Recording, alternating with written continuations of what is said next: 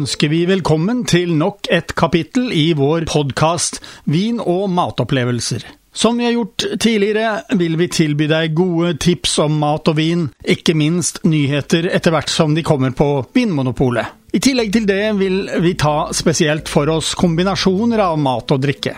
Vær så god, det er servert. Vi som er over gjennomsnittet interessert i vin og mat, har gledet oss over juleferien og mulighetene til å få testet noen nye vin- og matkombinasjoner. I dagens episode av Vin og matopplevelser har vi tatt for oss hele fire viner. To hvite og to røde. Det var morsomme og velsmakende viner.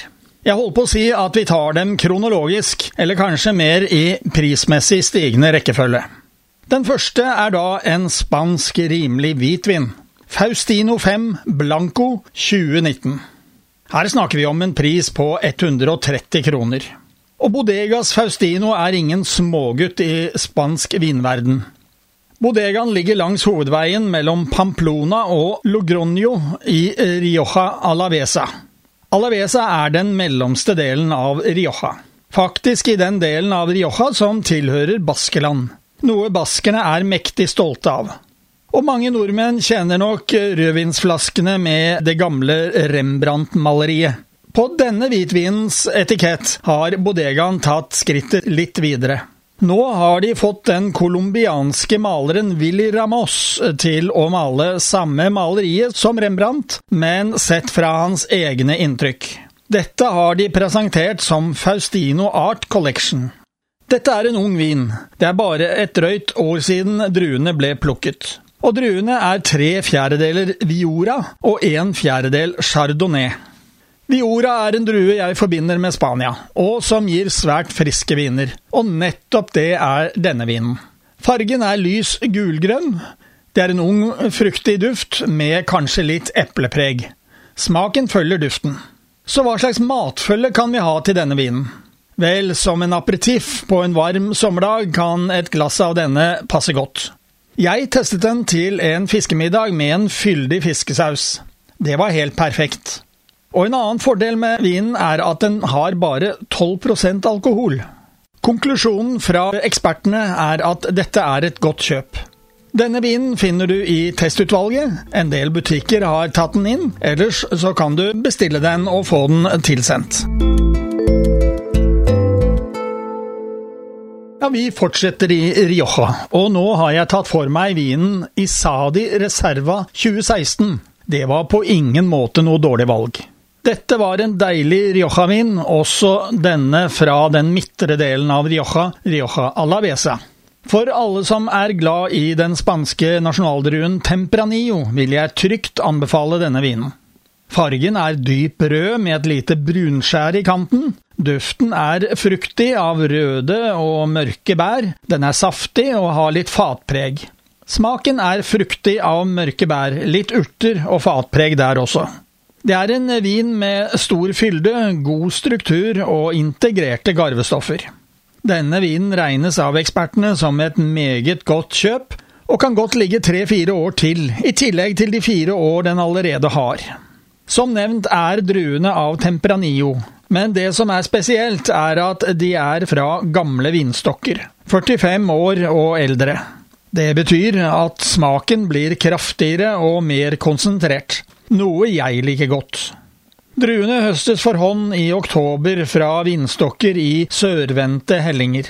Druene sorteres nøye i flere steg, avstilkes og går til gjæring på ståltanker. Grunnlaget for denne vinen ble med andre ord lagt i oktober-november i 2016. Deretter lå den rundt 16 måneder på eikefat. Til slutt ble den tappet på flaske. Så hva kan vi bruke denne til? Med sine bløte garvestoffer bør dette være en god vin til grillen. Og når vi først er inne på det sporet, passet den derfor godt til både ribbe og svinestek i jula. Lam er jo heller ikke ukjent i Spania, så det skal du absolutt prøve den til. I tillegg vil den heller ikke være noen nedtur til en god biffmiddag. Bodegas Isadi ble etablert i 1987, altså ikke en gammel produsent.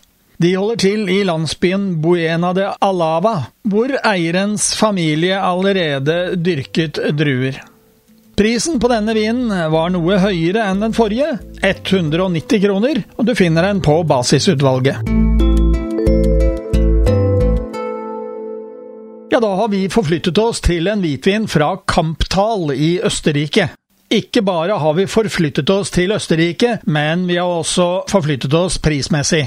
Vinen Filfalt 2018 koster hele 245 kroner. Vinprodusenten er Mattis Hager, og her har han laget en skikkelig blandingsvin.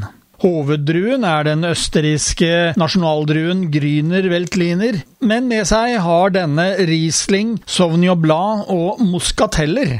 Og Muscateller er en interessant drue. Det er en svært gammel druetype, men ikke så mye brukt. De lærde mener at den har sin opprinnelse i Italia eller Hellas. Druen modnes sent, det betyr at den trenger mye sol. Vinene av denne druen har mer eller mindre muskataroma, og smak avhengig av mengden sol den har fått. Vinene skal være spesielt egnet til aperitiff eller sammen med håndmat. Vin Filfalt er spesiell. For det første er den naturvin. Og hva betyr det? Dessverre så finnes det i dag ingen klar definisjon, men i utgangspunktet skal man holde seg langt unna tilsetningsstoffer av alle slag. Likevel er det for noen tillatt med annet svoveltilsetninger. Denne har ikke det. Ifølge produsenten skal denne passe godt for veganere, altså en veganvin. Dette er også en oransjevin, sier noen. Det kan jeg være enig i. Fargen på vinen vi hadde, var svært gul med rødlig tendens. Det vil normalt komme av at vinen har ligget med skallene mer enn vanlig hvitvin. Duften var aromatisk. Den hadde litt preg av sitrus, tropiske frukter og urter. Ja, faktisk følte jeg at den hadde et sødmepreg også. Smaken fortalte derimot at uh, dette klart var en tørrvin. Det var preg av sitrus og annen tropisk frukt. Den hadde god fylde og konsentrasjon. Men hva slags mat kan vi bruke denne til, da? Lyst kjøtt vil være helt topp. Fiskeretter med fyldige sauser til bør også være bra. Så en konklusjon her må være dette var en spennende vin. Velsmakende, og ekspertene mener dette var et godt kjøp. Så her har vi fått foran oss en skikkelig engel fra Reinhessen i Tyskland. Det er eh, faktisk en, en Kieselstein laget på druen Schwarzriesling. Og siden det ikke er så spesielt oppklarende for dere som ikke kjenner den, vil jeg legge til at det er en rødvin. Den vinen vi har foran oss nå er Engel Kieselstein Schwarzriesling, og årgangen er intet mindre enn 2015. Den har med andre ord fått flere år bak seg. Men hva er nå dette for drue, spør du kanskje? Med sitt tyske navn blir den vanskelig å kjenne igjen, men det er faktisk den tredje av de tre faste druene i champagner fra Frankrike. Og der heter den Pinot Meunier og er en rød drue. Vinprodusenten heter Weingut Engel, som holder til i Rheinhessen, et stykke rett sør for Frankfurt. Det er en familiebedrift der alle deltar i arbeidet. Så hvordan er denne vinen? Jo da, fargen er klar rød, litt eh, lysere enn mange andre rødviner. Duften har et kirsebærpreg og litt urter. Smaken har fruktighet av kirsebær, den har fin fylde og har tydelige garvestoffer. Som matfølge til denne vinen vil vi foreslå lam. Vi hadde den til lammestek her hjemme, noe som var en innertier. Lyst kjøtt bør også passe bra, og da gjerne med litt god saus til, slik at garvestoffene får litt å jobbe med.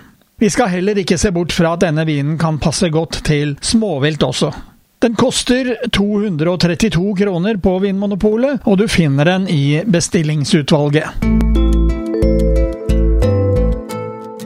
Da har du fått dagens podkast fra Radio Riks Oslo om mat og vin. Hvis du ønsker å abonnere på den, slik at du får den automatisk når nye blir lagt ut, kan du gjøre det. Kommende mandag får du neste kapittel. Vi høres!